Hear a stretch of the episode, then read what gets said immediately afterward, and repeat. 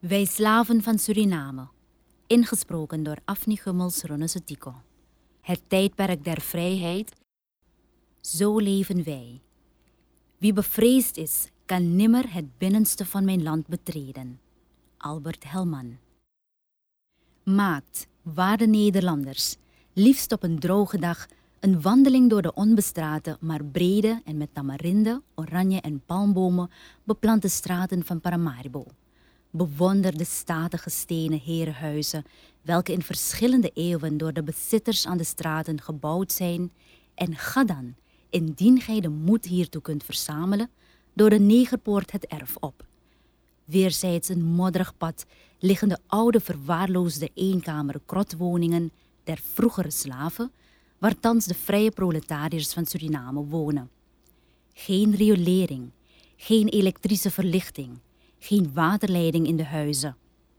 Ergens aan het einde van het erf staat een wrak privaat. Al wat gij ziet spreekt van armoede en ontbering. Slechts weinig is hier veranderd sedert de slavernij afgeschaft werd. Neem daarna de banier ter hand van 21 juli 1931 en lees een op 18 juli ingezonden berichtje van het Subcomité voor Kindervoeding dat op maandag 20 deze een aanvang zal worden gemaakt met de voedselverstrekking aan ondervoede schoolkinderen.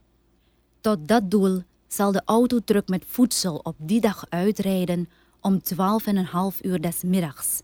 Wij vernemen dat er in totaal ongeveer 1800 kinderen van 24 scholen zijn ingeschreven, doch dat er voorlopig aan slechts 900 het voedsel kan worden verstrekt.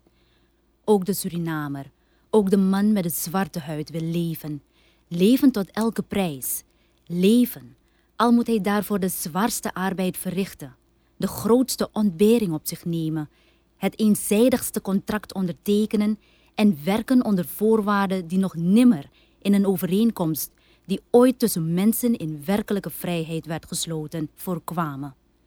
Aan de ene zijde staat de Surinaamse proletariër, die volkomen bezitloze arbeider, die niets dan zijn arbeidskracht heeft te verkopen. Aan de andere kant staat de belatte maatschappij, de kurk waarop de kolonie drijft, het troetelkind der regering, tot sinds de crisis van 1931 ook deze laatste bron van welvaart onder het kapitalistische productiestelsel opdreigt te drogen. De Balata-compagnie legde neger haar livret voor, het lijvig wetboek met voorschriften dat door geen volksraad gekeurd, door geen parlement is bekrachtigd, dat in volle machtsvolkomenheid door de directeuren der compagnie samengesteld is, maar welks naleven desondanks door alle organen van de staat, door politie en leger, beschermd wordt. En de neger tekent. In volle vrijheid plaatst hij zijn handtekening, de afdruk van zijn duim, onder het contract en van dat ogenblik af is het onderscheid tussen de slaaf van vroeger en zo'n vrijwillige contractant van heden waarlijk niet groot. De neger is verplicht tot op de laatste dag van zijn contract iedere werkzaamheid die hem wordt opgedragen precies volgens voorschrift uit te voeren. De maatschappij bezit het recht deze overeenkomst te allen tijden te verbreken, zonder dat zich de in de wet bedoelde dringende redenen daartoe voordoen, mits aan de arbeider een schadeloosstelling wordt toegekend ten bedrage van 10 gulden, artikel 2. De neger leeft in zijn kamp als in een kazerne. Hij heeft het recht niet om tot zijn woonplaats vrienden, bekenden of zelfs zijn vrouw toe te laten. Hij mag zonder schriftelijke verlofpas van zijn opzichter de werkplaats om geen enkele reden verlaten. Hij is verplicht zich uitsluitend op te houden binnen de terreinen door de gestelde opzichter aangewezen. De neger is verplicht om behalve het inzamelen van belatta, volgens welk systeem ook, eventueel ook elk hem door of namens de compagnie opgedragen ander werk uit te voeren. Hij zal geen vergoeding ontvangen voor de hierboven genoemde werkzaamheden, indien die zijn in het direct belang van zijn eigen persoon of arbeid, als het bijvoorbeeld het bouwen van zijn eigen kampen, het maken van zijn drygrounds en dabree, het kappen van de voor zijn belattenwinning benodigde lijnen, artikel 3. Onbetaald blijft het transport van de balatta die hij heeft gewonnen. Gratis verricht hij alle transport en hulpverlening wanneer een van zijn makkers door ziekte of een arbeidsongeval wordt getroffen. De maatschappij echter verwijst hem bij geschillen naar de koloniale rechter, waarover de banier van 26 mei 1931 zich in de volgende bewoordingen uitliet. Waar was in dit geval de jurisdictie? Was hier sprake van een onbevangen rechtspraak? Heeft de bevolking geen vertrouwen in de justitiële rechtspraak in naam der koningin, des te minder in die van de administratieve overheid? Ongelukkig het land dat niet onvoorwaardelijk vertrouwen in de rechtschapenheid van zijn bestuurders stellen kan. De neger is een bezitloze proletariër die voor zijn voeding, uitrusting en gereedschappen in gedwongen winkelnering de prijzen heeft te betalen welke de maatschappij eigenmachtig vaststelt. De compagnie echter behoudt de volle bevoegdheid de arbeider extra voeding en uitrusting te weigeren, die naar het oordeel van de compagnie voor de arbeider niet strikt nodig zijn en is niet verplicht andere artikelen in voorraad te hebben dan door de wet bepaald is. Artikel 13. De neger heeft geen recht op voeding gedurende de tijd verlopende tussen het sluiten van de overeenkomst en de dag van vertrek naar de werkplaats. De kosten van voeding, ook in geval van ziekte, mag hij zelf betalen. Maar de lengte van de arbeidsdag, die ten minste acht uur moet duren, wordt bepaald door de opzichter, die uitsluitend beslist of een voldoende hoeveelheid arbeid is geleverd. Zo werkt de neger in de ongezondste wildernissen tegen een loon van 1 gulden 25 per dag. Zo werkt hij onder elastieke dwangvoorschriften, die met een boete van 2 gulden 50 ieder bedreigen die één der volgende feiten pleegt. Stoornis van de goede orde, niet dadelijk opvolgen van hem door de huurder, controleur of opzichter gegeven bevelen, liederlijk gedrag, roekeloos zichzelf of anderen aan gevaar blootstellen, bederven of doen verloren gaan van drink- of waswater, en voorts al zulke daden in strijd met of verzuim van al datgene voorgeschreven bij deze overeenkomst, waarop niet bij één in de kolonie geldend wettelijk voorschrift straf gesteld is. Artikel 26. Zo werkt de neger tot hij bij afloop van zijn contract of bij ziekte verplicht is naar de stad te vertrekken met de gelegenheid welke hem wordt aangewezen het zij te voet, per spoor of per boot. Wij spreken hier niet over de interpretatie deze artikelen, over willekeur en bedrog bij het wegen en controleren der aangevoerde balatta, zoals wij dat alles in dienst deze maatschappij herhaaldelijk meemaakten. We leggen slechts de regels van het contract open dat in Suriname door de zogeheten zelfstandige bleeders, dat wil zeggen door eerste klas vaklui, niet slechts wordt ondertekend, maar met een afdruk van hun duim, alsof zij misdadigers waren, wordt bezegeld. Wij vragen aan Nederlandse vakbestuurders hoe dergelijke voorschriften hun smaken als voorbeeld voor een collectieve arbeidsovereenkomst voor blanken. Wij vragen aan de Nederlandse arbeiders. De slavernij is afgeschaft in Suriname, maar noemt gij degene die onder een dergelijk arbeidscontract moeten werken waarlijk vrij? En dan steekt dit contract nog heilig af bij menige overeenkomst die voor bauxiet en andere maatschappijen of voor de plantages wordt gesloten. Het wezen der autonomie. Wij zijn een ogenblik op de ontwikkeling der geschiedenis vooruitgelopen, ten einde met overtuigende bewijzen aan te komen, hoe betrekkelijk ook thans nog, 70 jaar later, de menselijke vrijheid voor proletariërs in Suriname in wezen is. Nu nemen wij de draad der historie wederop en gaan verder met, op gevaar af de lezer door een al te grote opsomming van namen en feiten te vervelen, de Hollandse kolonisatie van jaar tot jaar te analyseren en de kenmerken van dit bewind duidelijk te maken. De slavernij is afgeschaft. Een nieuwe ordening der koloniale maatschappij is nodig. Dit is de periode waarin de fundamenten voor een andere toekomst gelegd moeten worden. Hoe is de bijnaam van de derde Hollandse gouverneur die deze atlastaak op zijn schouders zou nemen? Men noemt hem de magere, deze baron van Heert, met zijn zanderige begrotingen, wiens hoogste trots daarin bestond, dat zijn ramingen van de uitgaven niet hoger mochten gaan dan nodig was om de verschillende diensten gaan te houden. Een ideaal gouverneur Voor hen die in de eerste plaats de staatsuitgaven tot het uiterste teruggebracht willen zien. Doch wat voor uitkomsten wanneer wij lezen hoe onder zijn bewind in het gezonde Suriname zware epidemieën van dysenterie, kinkhoest en moeraskoortsen de ondervoede inwoners wegmaaiden, zodat op een bevolking van 23.000 mensen binnen 60 dagen meer dan 300 sterfgevallen plaatsvonden en het geen zeldzaamheid was wanneer op één dag meer dan 15 mensen begraven werden. Doch waarom deze verontwaardiging over enkele gouverneurs? Waarom niet het feit herdacht dat reeds in 1866 de verlichte Nederlandse natie aan Suriname datgene schonk waarnaar, ook thans nog, anderen tevergeefs hunkeren en smachten? De autonomie, het heilige zelfbeschikkingsrecht der bevolking. Laten wij niet te vroeg juichen. Laten wij ons niet door een naam verblinden, alsof bijvoorbeeld een raad van de arbeid hetzelfde als een arbeidersraad waren. Laten wij dus niet met het woord genoegen nemen, maar ons eerst afvragen hoe de autonomie van Suriname er eigenlijk uitziet. De koloniale machinerie van Suriname ziet er als volgt uit. De kolonie vormt een onverbrekelijk geheel met de Nederlandse Rijkseenheid. De gouverneur wordt aangesteld door de koning en heeft tevens het opperbevel over de krijgsmacht. De gouverneur wordt bij het invoeren van nieuwe wetten bijgestaan door 1. Een raad van bestuur, Hollanders, waarbij de gouverneur-voorzitter, de procureur-generaal ondervoorzitter, de administrateur van financiën lid en de gouvernementssecretaris secretaris is.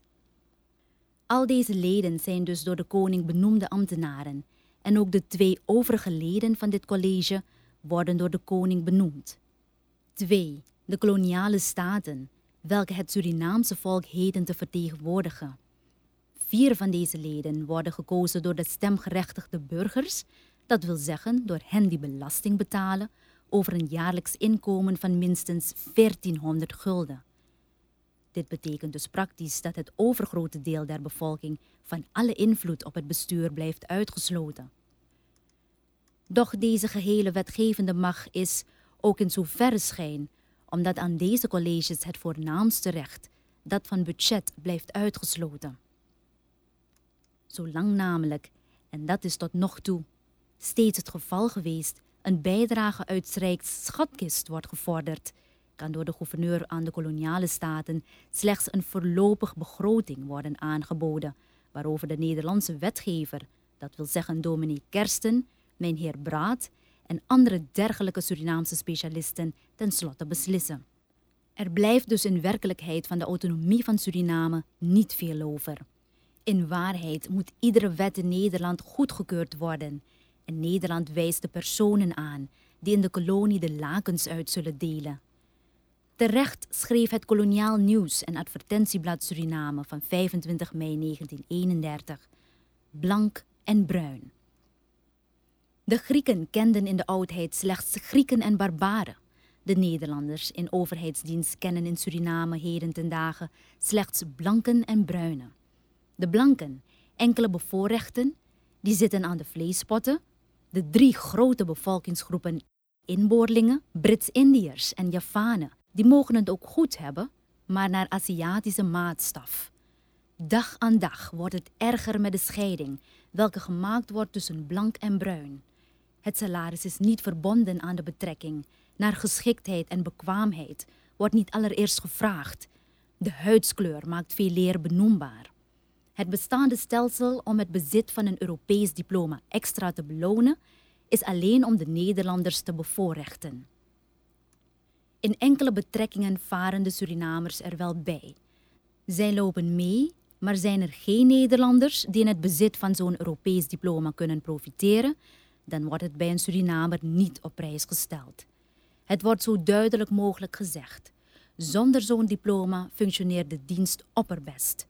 De bruinen of zwarten met hun Europese diploma's blijven dan gespeend van elke extra beloning.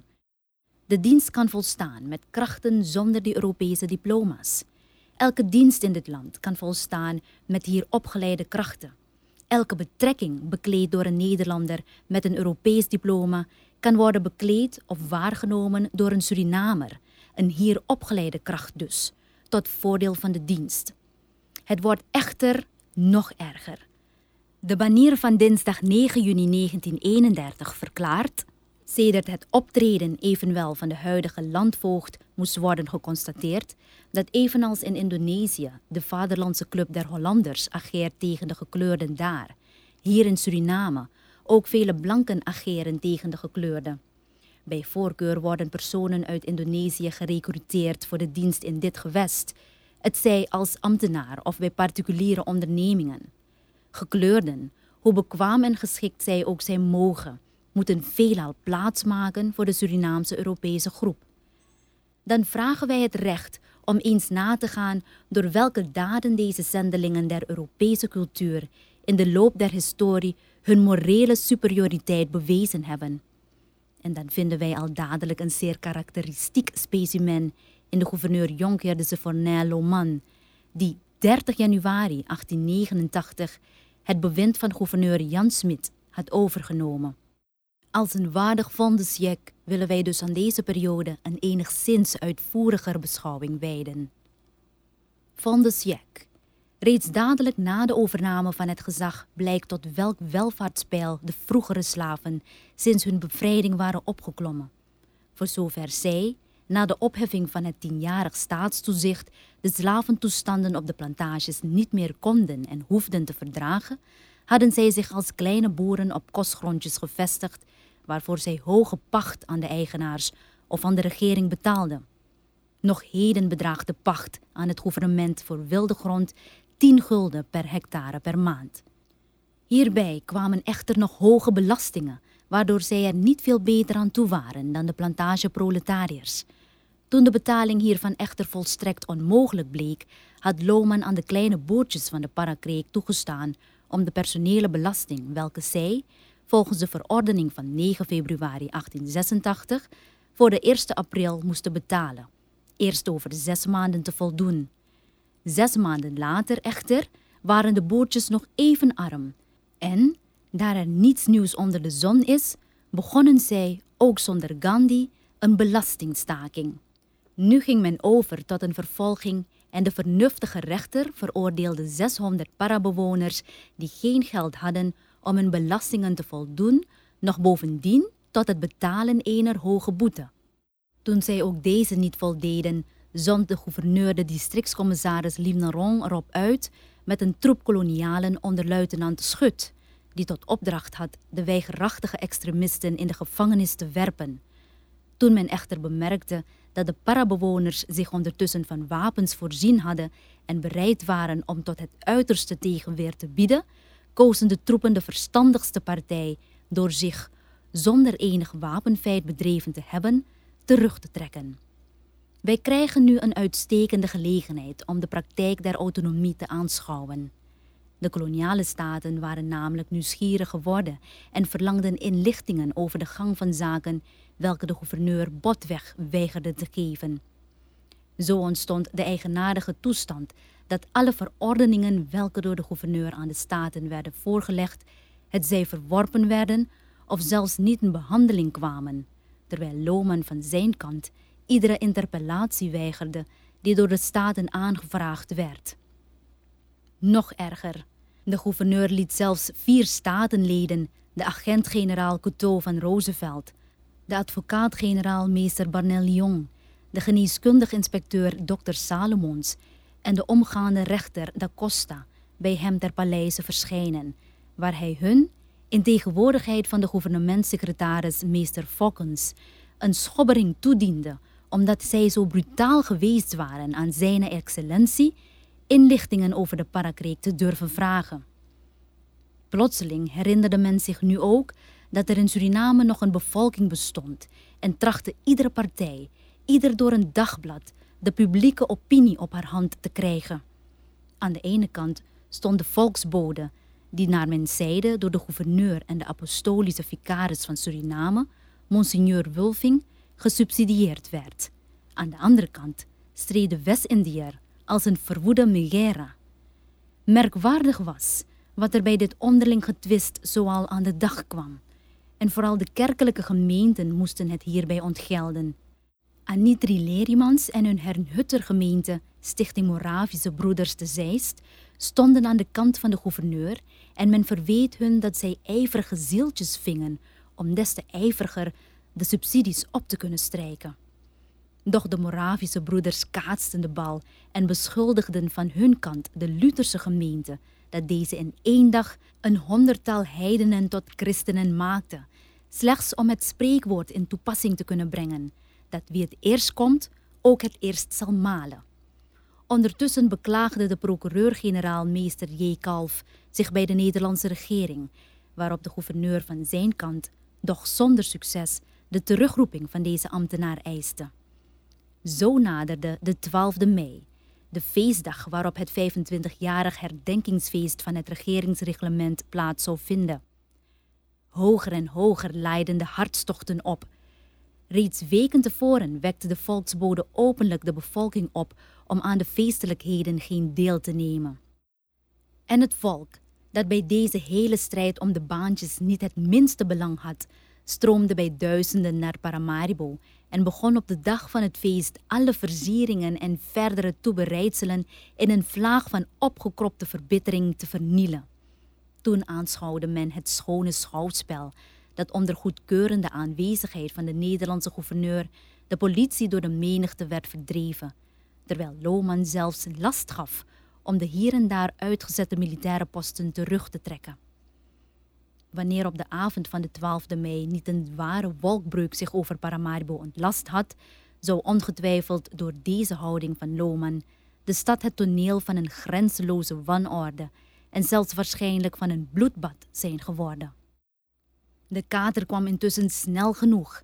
Reeds de volgende dag gaf de gouverneur toestemming om alsnog het feest te vieren en weer een dag later trad de politie met gewapend geweld op tegen de volksmenigte terwijl haar aanvoerder, de waarnemend inspecteur van politie van Lierip, persoonlijk een Surinamer neerschoot die niet snel genoeg uit de weg ging. In verband met een door koloniale staten en procureur-generaal aan Hare Majesteit verzonden bericht kreeg de gouverneur order met politie, land- en zeemacht samen te werken tot herstel der rust en orde. Hij voldeed met ijver aan deze opdracht. En de Surinamers hadden de les geleerd dat als men vechten moet, het uitsluitend de moeite loont om te vechten voor zijn eigen zaken.